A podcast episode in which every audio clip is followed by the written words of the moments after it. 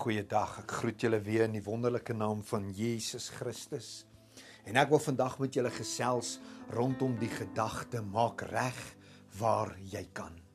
Maak reg waar jy kan en ek lees vir jou uit die woord van die Here uit Matteus die 5de hoofstuk vanaf vers 21 tot en met vers 24. Julle het gehoor dat daar aan die mense van die ou tyd gesê is: jy mag nie doodslaan nie. Maar elkeen wat doodslaan moet verantwoording doen voor die reg. Maar ek sê vir julle dat elkeen wat vir sy broeder sonder rede kwaad is, verantwoording moet doen voor die reg. En elkeen wat vir sy broeder sê raka, moet verantwoording doen voor die groot raad en elkeen wat sê jou dwaas, moet verantwoording doen in die helse vuur. As jy dan jou gawe na die altaar bring en dit jou daar byval dat jou broeder iets teen jou het, laat jou gawe daar voor die altaar bly en gaan versoen jou eers met jou broeder en kom dan en bring jou gawe. Ek wil vandag met jou gesels rondom die beginsel van restituisie. En dit is nie altyd 'n maklike of 'n gewilde pad om te stap nie. Maar as jy werklik ernstig is met die Here, na geestelike herlewing soek, as jy geestelik wil groei, as jy wil verander, sal restituisie vir jou verdere geestelike deurbrake bring. Smag jy dalk na 'n deurbraak in jou lewe? Maar wat is restituisie? Dit is die dinge wat tussen jou en ander mense gekom het. En dit spreek van die feit dat jy dit regstel of dat jy dit regmaak of dat jy dit uit die weg uit sal ruim.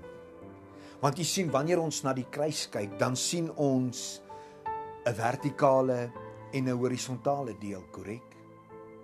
Die vertikale spreek simbolies van jou en my verhouding met God.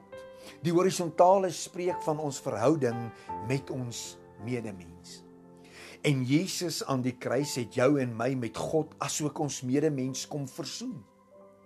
En met hierdie versoening wat hy aan jou en aan my skenk en met die vergifnis wat hy bied, moet u en ek gaan regmaak met ons medemens.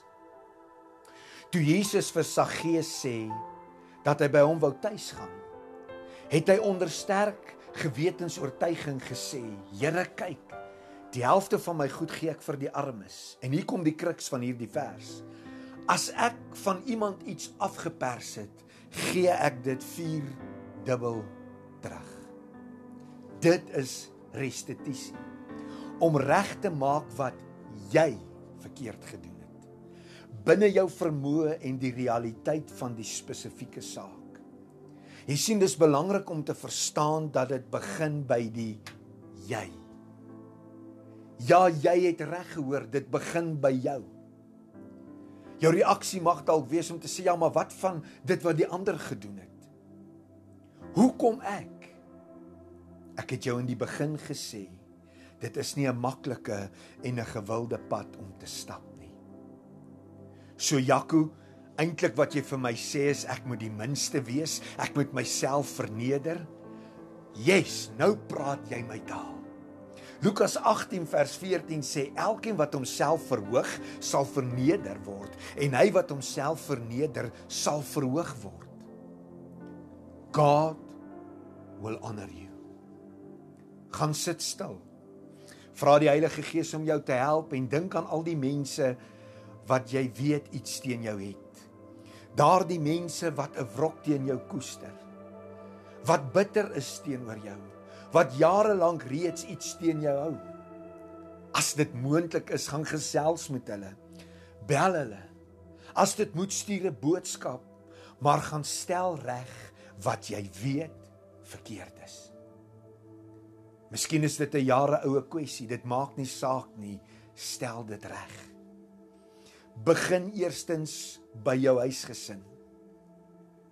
Jou eggenoot, jou kinders, jou familie en dan die res. Dit gaan nie maklik wees nie. En dit mag ook dalk baie tydsaam wees. En ja, dit gaan vernederend wees. Dit mag dalk ook in jou gesig teruggegooi word, maar gaan doen dit.